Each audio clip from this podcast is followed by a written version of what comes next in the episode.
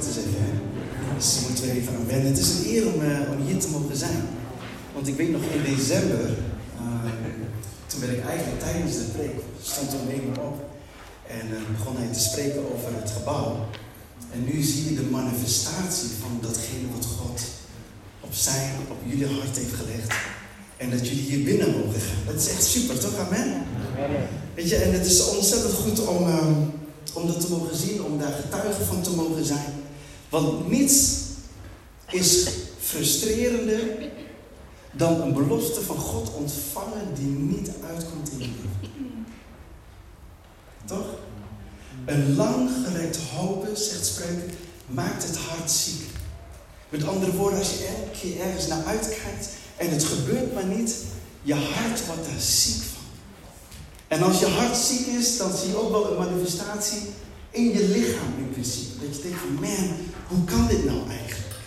Nou, voor degenen die nu in een soort fase zitten, dit is puur wat ik op mijn hart heb, is niet zozeer wat ik heb voorbereid. Ik ga zo meteen het woord openen met jullie. Maar voor degenen die nu in een fase zitten waarin je denkt en vindt dat je, dat je eigenlijk alleen moet strijden, dat je voor een keuze staat uh, waarvan je niet zeker weet, is dit nou God, ja of nee?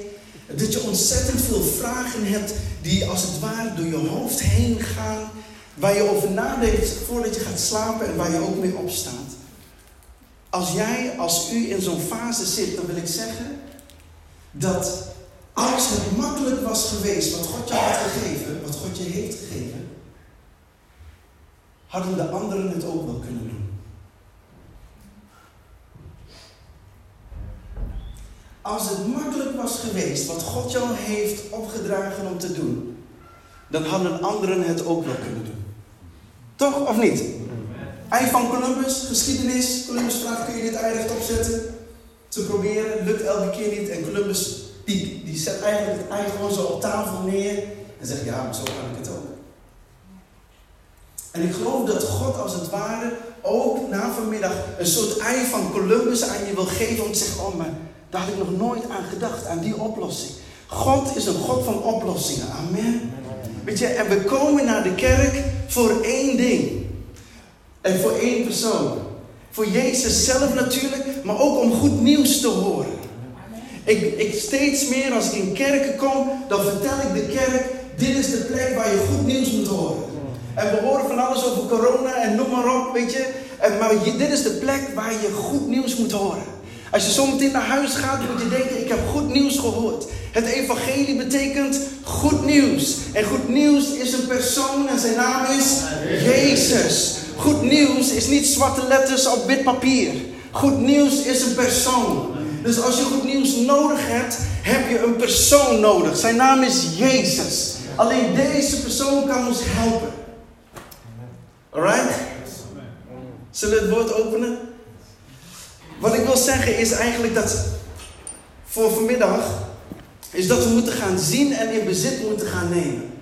Weet je, ik wil jullie helpen in een soort mindset waar God jullie in heeft gebracht. Althans, ik geloof dat God het wil zeggen in mijn voorbereiding voor deze middag. Is het feit dat je het gebouw binnen bent gegaan. Het feit dat je een profetie ziet um, manifesteren in je leven. Betekent nog niet dat je de belofte hebt die God over jouw leven heeft uitgesproken.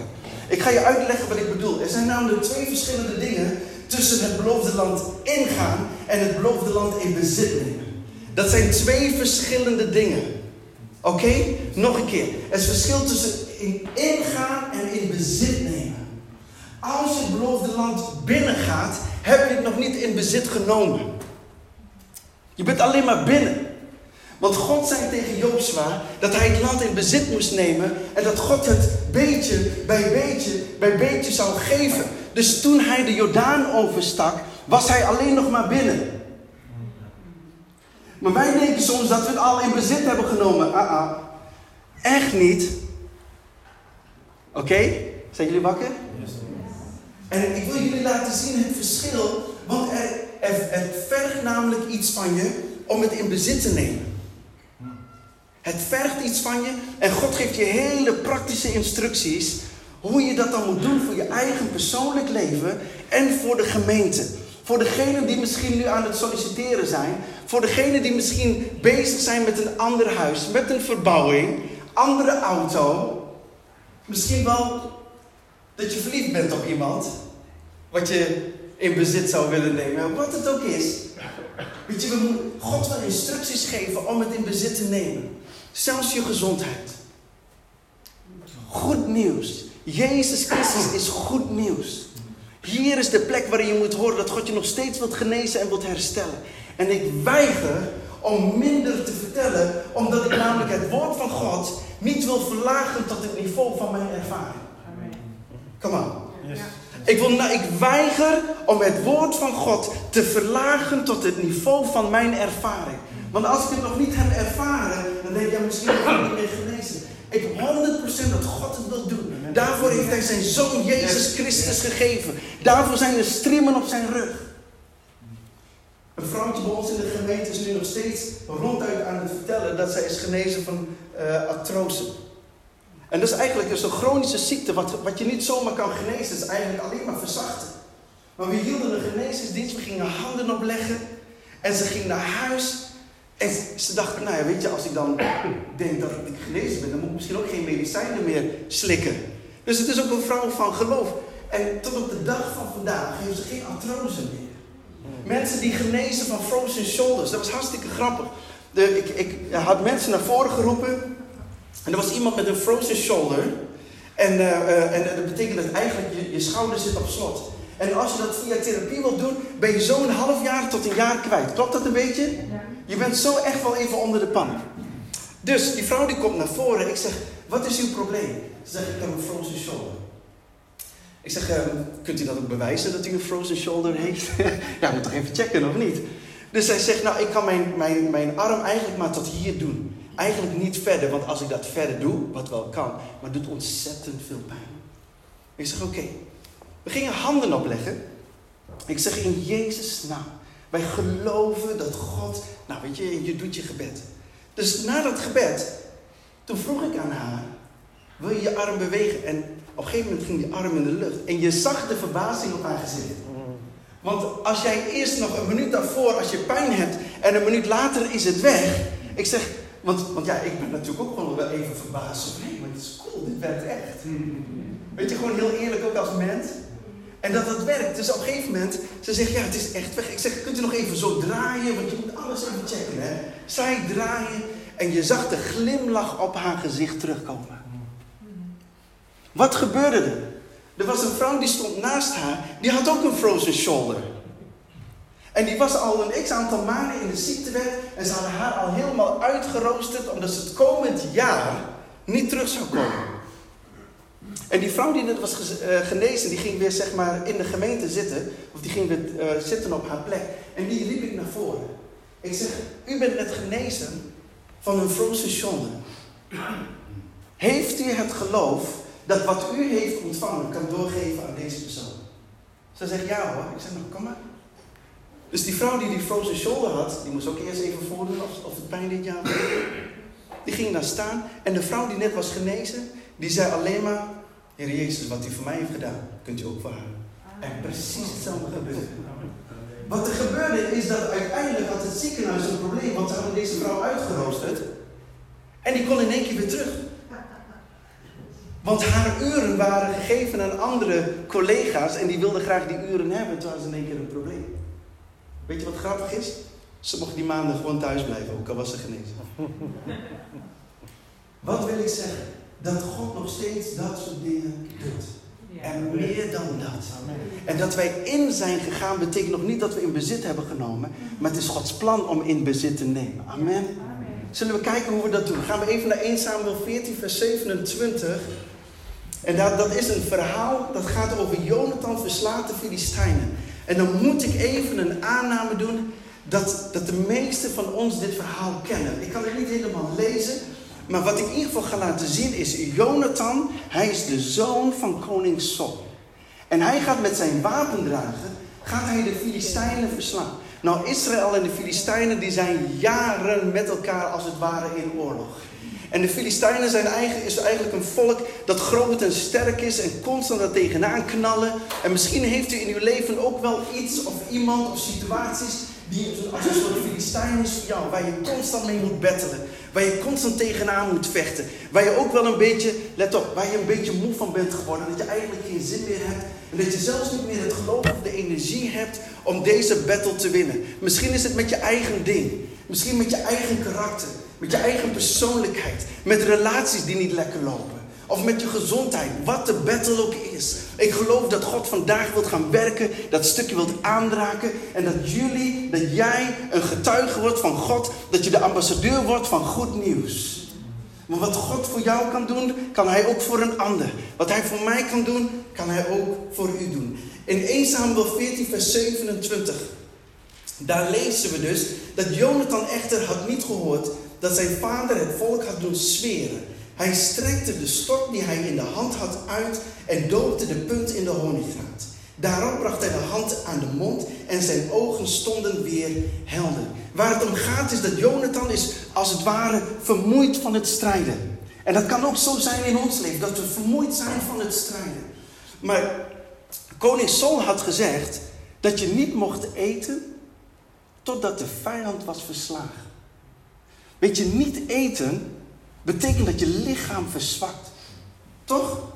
En koning Saul had gezegd, we mogen niet eten totdat we de vijand hebben verslagen.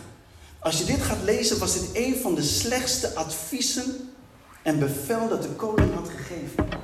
Dat is ook wat het woord zegt. We gaan daar niet te diep op in. Maar om tegen je manschappen te zeggen dat ze niet mogen eten, dat was geen goed advies. Maar wat er staat, is dat Ehm, zijn ogen stonden weer helder. De reden waarom het zo belangrijk is om dit te zien, is dat jouw strijd, of uw strijd, of uw battle, die wordt alleen maar erger als je niet meer helder kan kijken.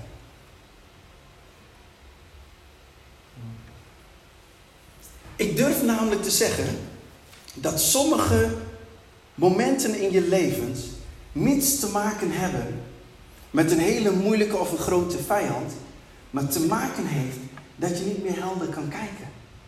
Je ziet het niet meer scherp.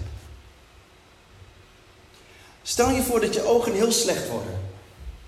En ik kan erover meepraten, want ik draag een bril. En ik zou nu moeten auto rijden zonder bril. Ligt het dan aan de verkeersregels? Ligt het aan de auto dat ik het niet goed zie? Ligt het aan de medeweggebruiker dat ik het niet goed zie? En als ik echt een ongeluk veroorzaak, zou het dan aan alles en iedereen liggen behalve aan mezelf? Nee, ik zie niet meer helder. En ik geloof namelijk dat in sommige situaties in ons leven, dat we het gewoon niet helder zien, de situatie waarin we nu zitten.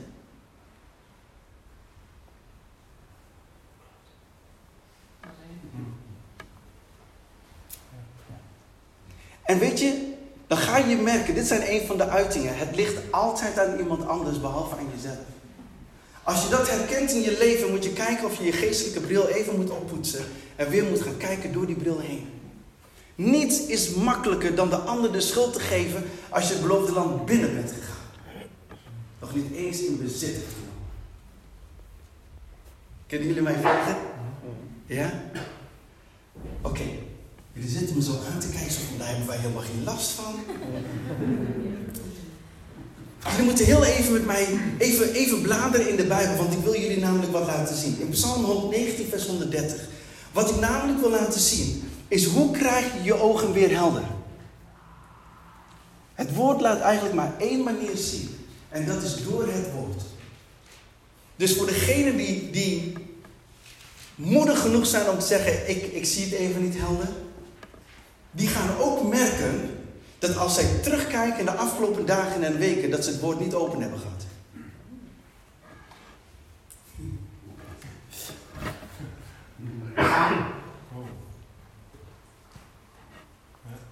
Want de Bijbel leert ons dat door het lezen van het woord zien wij dingen scherp en helder. En als we niet meer helder zien, dan durf ik de stelling wel aan dat we het in de afgelopen weken niet meer open hebben gehad. Misschien lacht die wel open, maar ons hart was er niet. Daar heb ik het over. Ik heb het niet over YouVersion wat op onze telefoon is. Ik heb het over ons hart. Dat we lezen met ons hart en geloven wat er staat. En er staat in Psalm 119, vers 130. Daar staat het openen van uw woorden. Wat staat daar? Verspreid licht. Het geeft de onverstandigen inzicht. Nou, ik ben heel vaak onverstandig, maar ik weet waar ik verstandigheid kan halen. Toch? Ja. Oké. En het woord, en de woorden verspreid licht is in het Hebreeuws precies hetzelfde woord als ogen die weer helder staan. Oké, dus wat Jonathan ervoer, was hij was aan het strijden. Hij at van de honinggraat en in één keer was er weer licht. Hij zag het weer helder in de strijd waarin hij zat. En hij merkte dat hij weer sterk werd. Weet je, als je het beloofde land binnen bent gegaan, heb je het woord van God juist nodig. En de Bijbel zegt eigenlijk in het Oude Testament dat het beloofde land is een land van melk en. Dus met andere woorden, God heeft alles al voorzien dat je constant scherp kan kijken om het beloofde land in bezit te nemen. Als je het niet meer scherp ziet, is er maar één ding aan de hand. Je hebt geen honig meer gehad. Kom maar. Amen. Hier gaat het niet om iemand te veroordelen of te beoordelen. Begrijp me niet verkeerd. Ook niet als ik zeg dat je de afgelopen weken de Bijbel niet open hebt gehad. Waar het om gaat is om te constateren en bewust te worden waar de schoen wringt. Daar gaat het om. Want goed nieuws betekent niet per definitie dat ik geroepen ben om te beoordelen of te veroordelen. Maar om je te vertellen waar de schoen wringt, zodat je na vandaag verder kunt. Dat is de, dat is de reden waarom ik hier ben. En als we onze harten openen, dan kun je vanaf vandaag, kun je namelijk vrij snel weer zien. Weet u waarom? Omdat Jonathan door het eten merkte hij per direct. Per direct. Daar hoeven geen dagen en weken overheen. Oké, er staat in Psalm 19. Kijk heel even met mij mee. Met Psalm, uh, naar Psalm 19, vers 9. En ik lees vanuit de MBG-vertaling. Psalm 19, vers 9, daar staat: De bevelen des Heren zijn waarachtig. Zij verheugen het hart. En hier komt het. Het gebod des Heren is louter. Het verlicht de ogen. En de woorden het verlicht is precies hetzelfde Hebreeuwse woord als dat de ogen weer helder staan. Zie, dus er is een principe dat God wil dat wij dat toepassen in ons leven. Dat door te eten van zijn woord zien wij eigenlijk waar God ons naartoe wilt hebben. Zijn hier, je hoeft de vingers niet op te steken, zijn hier mensen die zich afvragen wat God vandaag wil van hem of haar, met zijn of haar leven? Nou, ik denk het wel dat ze hier zijn. Want het is namelijk een vraag van alle dag. Daar waar ik kom, merk ik steeds meer dat mensen vragen: hoe, hoe weet ik Gods wil? Hoe versta ik Gods wil?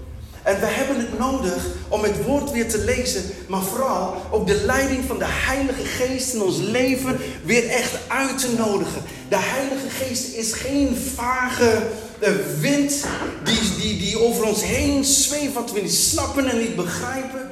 Zelfs binnen de charismatische en de evangelische beweging weten ze nog niet goed wie de Heilige Geest is. Ze kennen alleen de Vader en de Zoon, maar de Heilige Geest is vaag en is moeilijk en is misschien zelfs eng. Want stel je voor dat iemand gaat manifesteren, wat moeten we dan? En dat is allemaal eng. En, en bij ons in de achterhoek zeggen ze: wat de boer niet kent, dat, dat fret hij niet. En in Zwolle waarschijnlijk ook niet. Weet je, en we kunnen soms achter in onze stoel zitten en denken: ja, maar ik weet wel wie de Heilige Geest is hoor.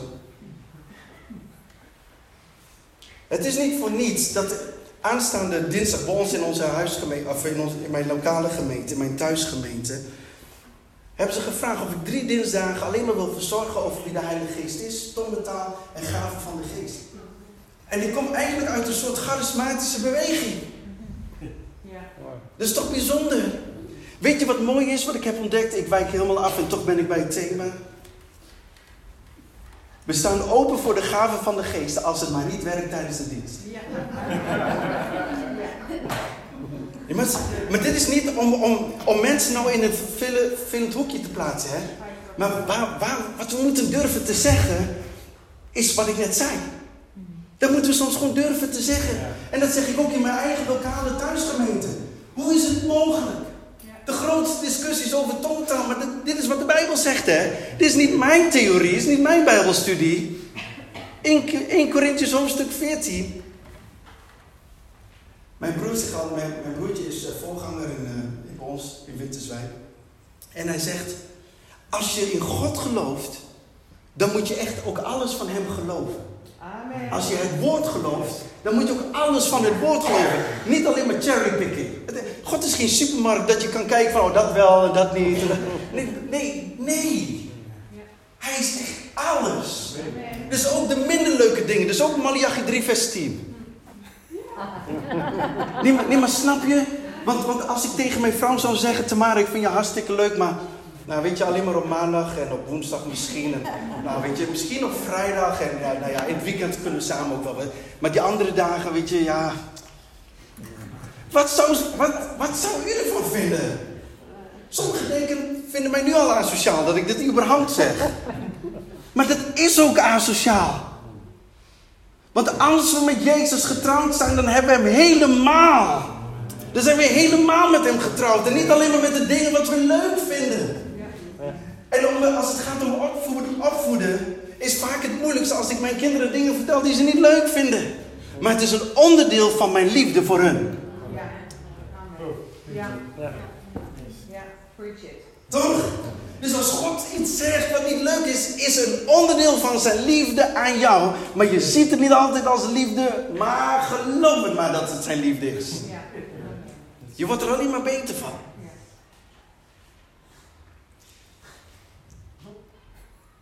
Zullen we heel even naar Jozua gaan?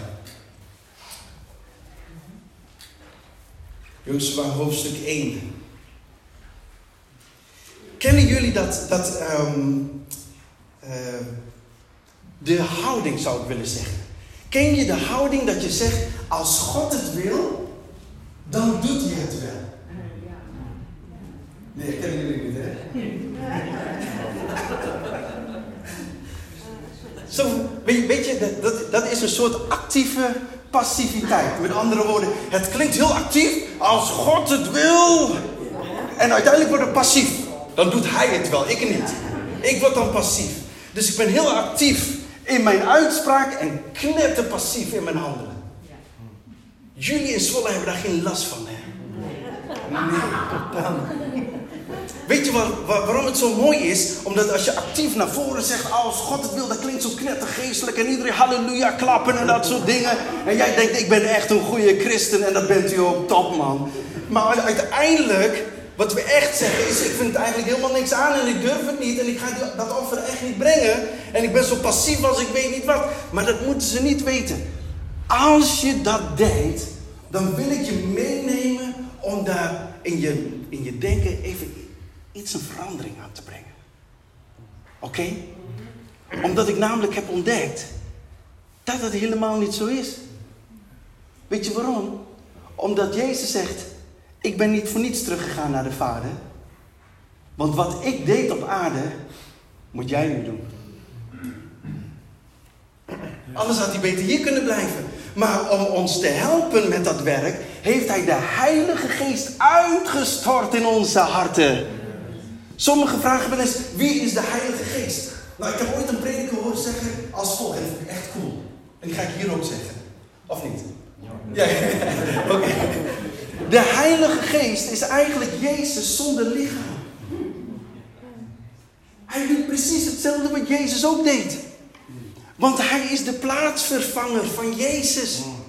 En als hij de plaats van Jezus inneemt, dan moet je eigenlijk hetzelfde kunnen wat Jezus ook deed. Anders ben je niet echt een goede vervanger. En die woont in jou. Werkt dat zo? In Jozua hoofdstuk 1, vers 5. Zijn jullie er nog bij? Ja? Oké, okay, kom op. Niemand zal voor die stand houden. Oh, prijsgod, dit is zo heerlijk om te lezen, hè? Eigenlijk moet daar gewoon een punt staan, dan zijn we klaar. Niemand zal voor die stand houden al de dagen van uw leven. Zoals ik met Mozes geweest ben, zal ik met u zijn. Ik zal u niet begeven en u niet verlaten. Maar wees sterk en moedig, want gij zult dit volk het land doen beërven. Dat ik hun vader gezworen heb hun te zullen geven. Alleen wees zeer sterk en moedig en handel nauwgezet overeenkomstig de gehele wet die mijn knecht Mozes u geboden heeft. Wijk daarvan niet af, naar rechts of naar links. Opdat gij voorspoedig zijn, van waar Dit wetboek mag niet wijken uit uw mond, maar overpijnt het dag en nacht. Opdat gij nauwgezet handelt overeenkomstig alles wat daarin geschreven is. Want, let op, dan zult gij op uw wegen uw doel bereiken en zult gij voorspoedig zijn. Heb ik u niet geboden, wees sterk en moedig, er niet en word niet verschrikt, want de Heer uw God is met u overal waar gij gaat. Dit is wat God zegt. Hij zegt, wees sterk en moedig. Bijzonder hè, dat hij zegt, wees sterk en moedig. Want je zou eerder kunnen denken dat God had gezegd, Jozua, geloof in mij, ik ben met je. Snapt u wat ik bedoel? Maar hij zegt, wees sterk en moedig.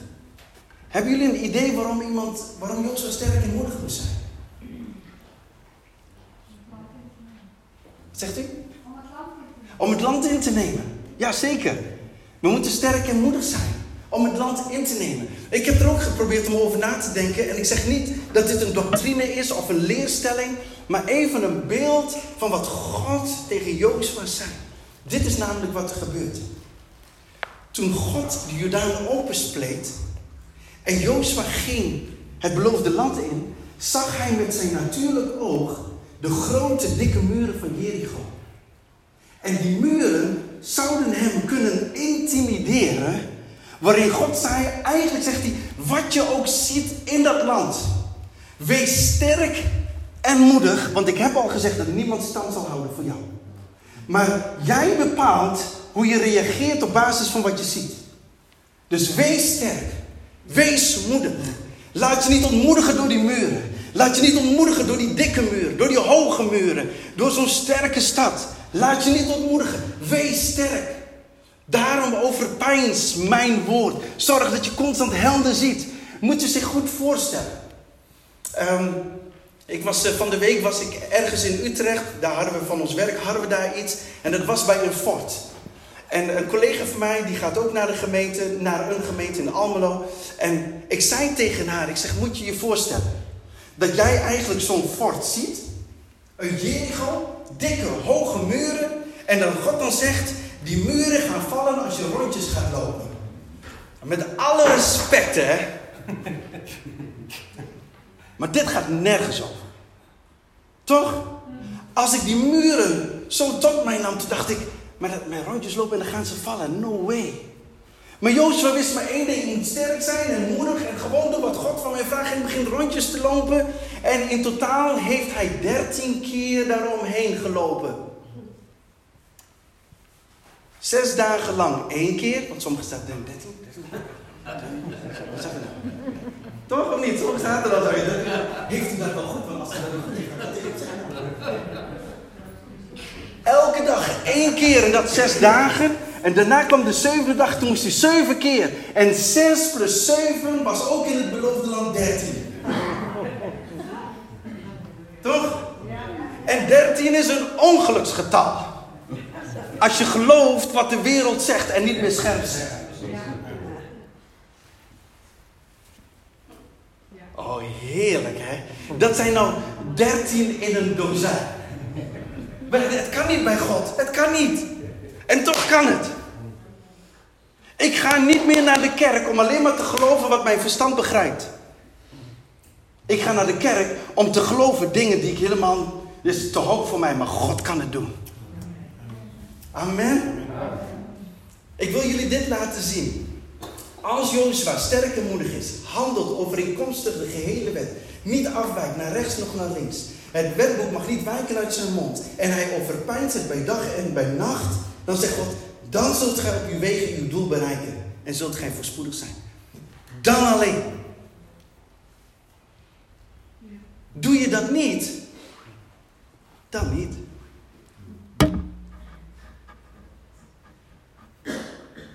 Snapt u? En sommigen van jullie zijn eigenlijk binnengegaan in het beloofde land. Maar nu gaat het om de fase in bezit nemen. En in bezit nemen betekent nog dichter bij God leven. Even een paar hoofdstukken verder. daar zien wij dat Jozua komt daar een volk of een stam tegen. En hij wordt verleid en misleid door dat volk. Omdat ze zeiden van kijk naar ons brood en kijk naar onze kleren. Zijn oud en ons brood is droog. En de Bijbel zegt letterlijk, en Jozua raadpleegde God niet. Wat wil je daarmee zeggen Melvin? Als de zegeningen toenemen, komen we in de verleiding om op basis van die zegeningen God niet meer te raadplegen omdat we denken dat we het wel weten. Want toen Adam en Eva in de Hof van Eden waren, er waren zoveel zegeningen. Ik stel me voor dat er heel veel mooie bomen en vruchten waren. Waarom moet je nou net van die ene boom eten? Waarom nou? Ja, omdat het gewoon knetter interessant is om daaraan te zitten. Dus het is nog niet zo makkelijk om in een gezegend leven dicht bij God te leven. Weet u waarom ik dat zeg? Omdat ik steeds vaker hoor dat ze, ja, maar bij jou gaat het goed. Jij hebt makkelijk praten. Sorry? We wonen in hetzelfde vlees, hè? Als ik ochtends vroeg om vijf uur moet opstaan, dan vind ik het ook vroeg. Net zoals jullie. Weet je, als het gaat om bidden en vasten, ik moet ook de keuze maken om te gaan bidden en gaan vasten. Als het gaat om hier staan, weet je, dan vraag ik misschien nog meer dan daar zitten. Wat, wat ik daarmee wil zeggen, ik, ik wil een soort mindset in de kerk, wil ik als het ware omverduwen. Dat je niet op basis van zegeningen kan zeggen hoe makkelijk iemand het leven heeft. En dat geldt ook andersom, want sommigen gaan door hele moeilijke situaties heen. En dat betekent helemaal niet dat ze het alleen maar moeilijk hebben, maar ook zij hebben momenten dat ze blij zijn en gezegend zijn. Omdat God hun draagt. Maar waar we mee moeten stoppen in het beloofde land, is dat we beginnen te vergelijken wie de meeste zegen heeft. Kan me niet schelen hoeveel bomen je hebt. Als je maar niet van die verkeerde boom weet, zeg maar. Daar gaat het een beetje om. En daarom, we moeten de harten dus samenpakken.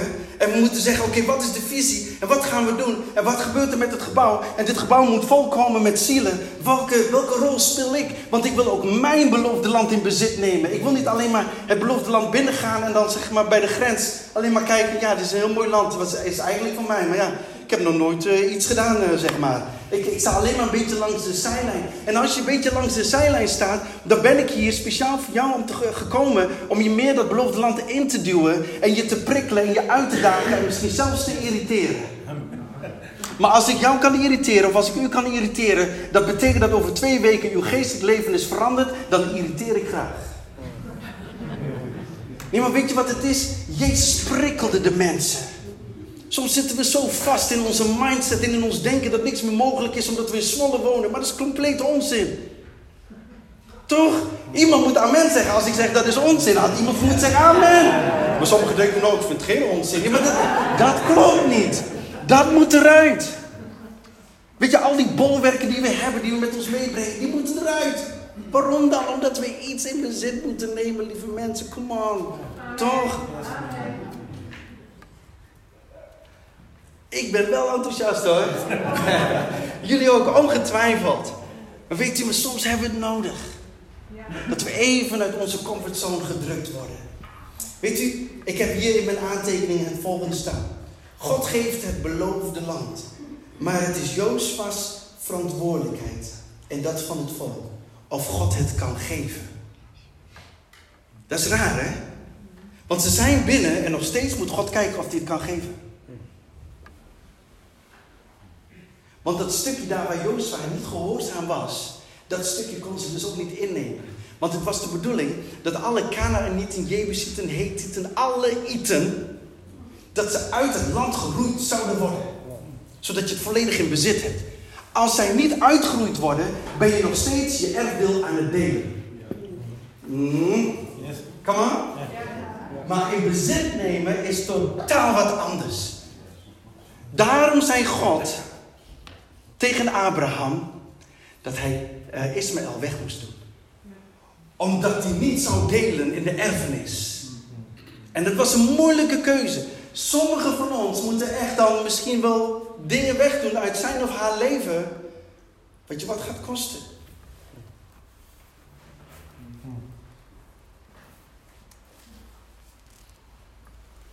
Maar ik durf ook wel te zeggen, als wij soms niet breken met bepaalde dingen waarmee we moeten breken, zullen we nooit het bezit zodanig in bezit nemen zoals God heeft bedoeld. Want Jozef en het volk hebben wel in het beloofde land gewoond, maar niet in de volledige potentie zoals God had bedoeld. Dat betekent ook voor ons dat wij geloven wel in Jezus, maar we zijn geroepen om dingen te doen namens Hem. En ook ik wandel nog niet in de volledige potentie die God heeft gegeven om in te kunnen wandelen. De Bijbel zegt dat wij precies hetzelfde zouden doen als wat Hij heeft gedaan. En zelfs nog grotere dingen. En Hij heeft doden opgewekt.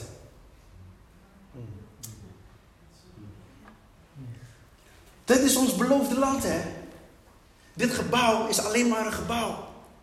Maar dit is niet het ultieme doel van de gemeente. Dit is alleen maar een soort voorraadschuur waar we de zielen moeten samenbrengen en te behouden en onderhouden voor het, voor het moment dat Jezus terugkomt, dat we zeggen, ja, we hebben een voorraadschuur.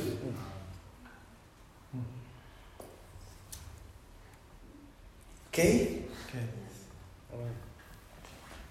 Laatste stukje. In Jozef hoofdstuk 3. Want ik weet zeker dat sommigen van ons zeggen, ja, maar dat wil ik ook. Ik, ik, ik wil eigenlijk niet alleen maar het beloofde land binnen, ik, ik wil het ook in bezit nemen. Zijn hier mensen die dat willen?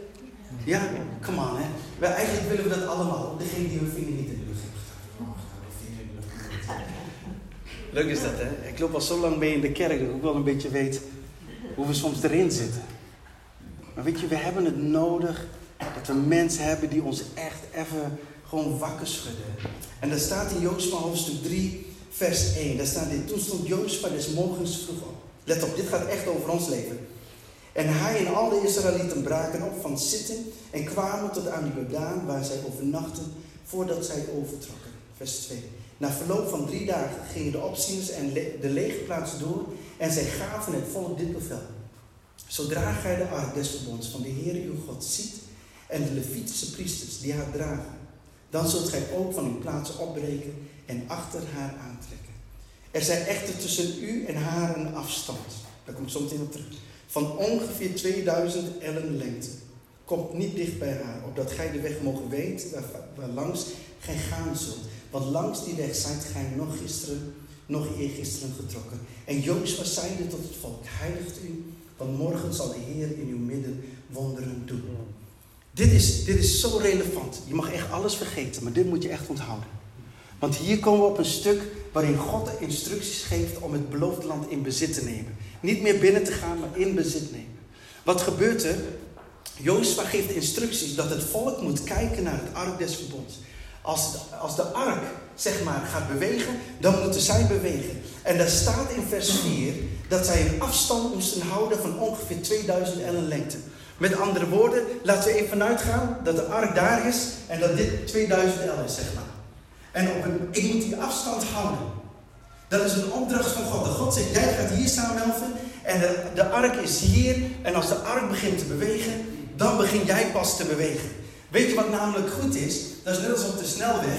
Als je een beetje afstand houdt van de, van de, van de auto voor je en die gaat dan naar links of gaat dan naar rechts, is het als je afstand hebt, is het makkelijker anticiperen dan als je er bovenop zit. En ik weet dat we hier geen bumperklevers hebben, maar in Winterswijk hebben we ze wel. En als je echt aan de bumperklever bent, kan het zelfs gevaarlijk zijn als iemand een move gaat doen en jij moet volgen. God zegt dit. Dus Melvin, ik wil graag dat je afstand houdt. Want dan kun je mij goed observeren. Vertaald naar het Nieuwe Testament zegt de Bijbel in Johannes dat de Heilige Geest verkondigt ons de toekomst. Dat betekent dat als wij de Heilige Geest, als wij zijn stem verstaan, en die verstaan wij, als wij zijn stem verstaan, dan kunnen wij van tevoren al weten wat God morgen van plan is, of overmorgen van plan is, met jouw werk, met jouw carrière, met de relatie, met je kinderen, met je man, met je vrouw. En dat zorgt dat wij veel minder pastorale werkers nodig hebben. Want omdat we het vaak niet weten, moeten wij praten met mensen. Moeten wij via Facebook iets posten waarvan ik denk dat zou ik niet doen. En dan gaan we iets appen naar een vriend van heb jij een woord voor mij? Dan gaan we bellen alsof we daarmee kunnen winnen. Maar als de Heilige Geest in jou woont, heb je geen WhatsApp, geen Facebook, Instagram of wat dan ook nodig. Kan iemand aan mensen zeggen? Knetter irritant wat hij vertelt. Dat weet ik. Ik weet het. Nog een keer. En God zegt, weet je waarom ik dit doe? Dit is de reden, zegt God. Je komt namelijk in een land die jij niet kent. Dat is de reden. Want je wilt een land in bezit gaan nemen die je niet eens kent. Dat zorgt er ook voor dat ehm, ik reed hier naartoe en om eenmaal had me even wat instructies gegeven via welke straat ik binnen moest komen. Maar ik kende, ja, ik, ken überhaupt Zwolle niet, maar nou een ander gebouw ken ik het ook niet. Dus wat heb ik gedaan? Ik reed hier dus al een keer langs. Want ik zag dat, dan moet je zeg maar het terrein oprijden. Maar toen dacht ik, ik weet niet zeker of ik dat terrein op moet rijden. Wat stel je nou voor dat het privéterrein is? Straks houden ze me aan en dan kom ik helemaal te laat tijdens de dienst. En dat had te maken omdat ik het niet kende. Maar als iemand mij voor had gereden en ik was op gepaste afstand, dan hoef ik ook geen tijd te verliezen en kom ik ook niet te laat op mijn bestemming, wat hier wel gebeurde. Met andere woorden, sommige vertragingen in ons leven heeft niks te maken met God.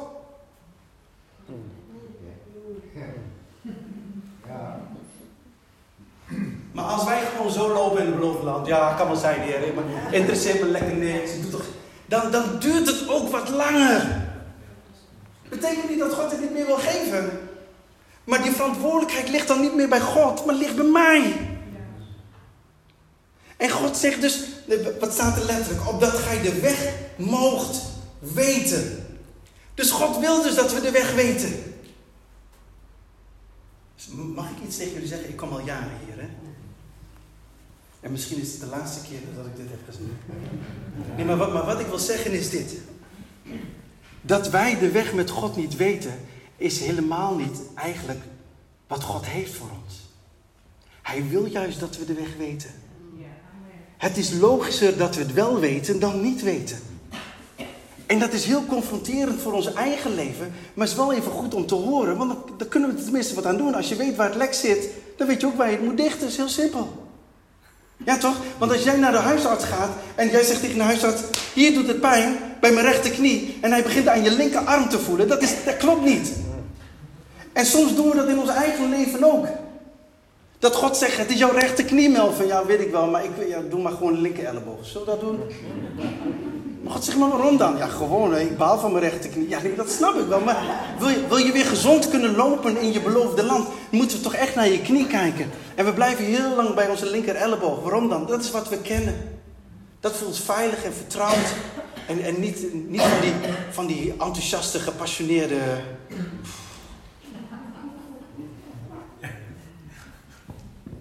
En wat betekent dat? Dat als je God volgt daarin, dan pas overal waar je je voedsel neerzet, dat zal van jou zijn.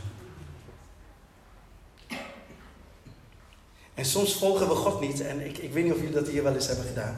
Maar dan zetten we gewoon overal ons voet. Hè? Omdat, omdat dat in Jozef 1 staat. Nou, hier zet ik mijn voet neer en hier zet ik mijn voet neer. En, hier, en ja, je kunt overal je voet neerzetten. Maar je hebt gemerkt, er gebeurt helemaal niks. Nee, dat klopt. Omdat de tegenwoordigheid van God niet daar was waar jij je voet neerzette. We moeten niet denken dat Jozef in één keer superpowers kreeg. En in één keer dat zijn voedsel heel sterk was. Daar waar Gods tegenwoordigheid was en waar hij zijn voet neerzette, was het alsof het de voeten van God zelf waren. En dat zou van hem zijn. En dan zou niemand voor jou stand houden. Dat is totaal wat anders.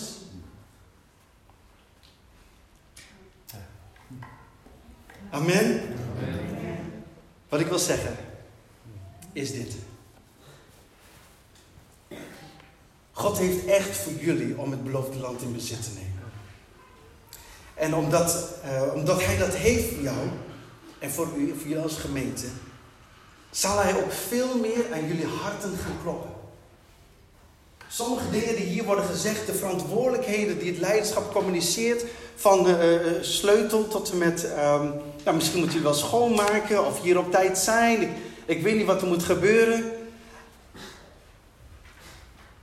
Dat je in ieder geval actief ook gewoon naar voren durft te stappen en zelf de verantwoordelijkheid durft te nemen om te zorgen voor het gebouw. Waarom dan Melvin? Omdat de Bijbel leert dit. Dat als wij klein zijn, uh, als wij getrouw zijn in het kleine, alleen dan kan die grote geven.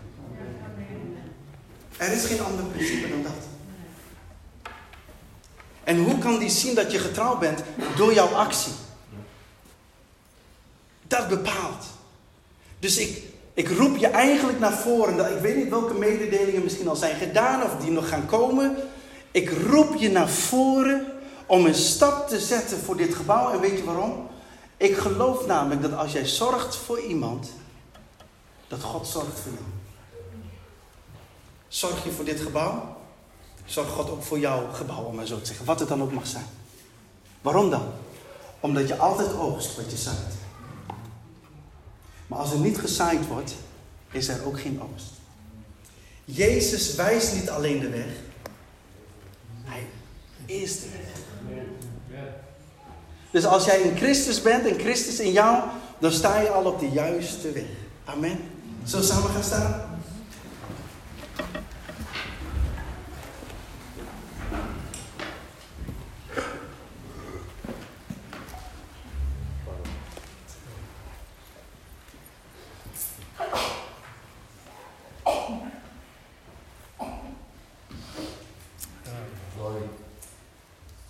Misschien dat iemand de piano even kan helpen. Is hier iemand die zegt, ik heb echt een bemoediging nodig? Die echt durft te zeggen van... hmm. Kom. Kom maar naar voren. Ik zal zeker rekening houden met de tijd. Nog meer, is hier iemand die zegt, man, ik wil dat God tot mij gaat spreken. Ik heb echt een bemoediging nodig in de fase waarin ik zit.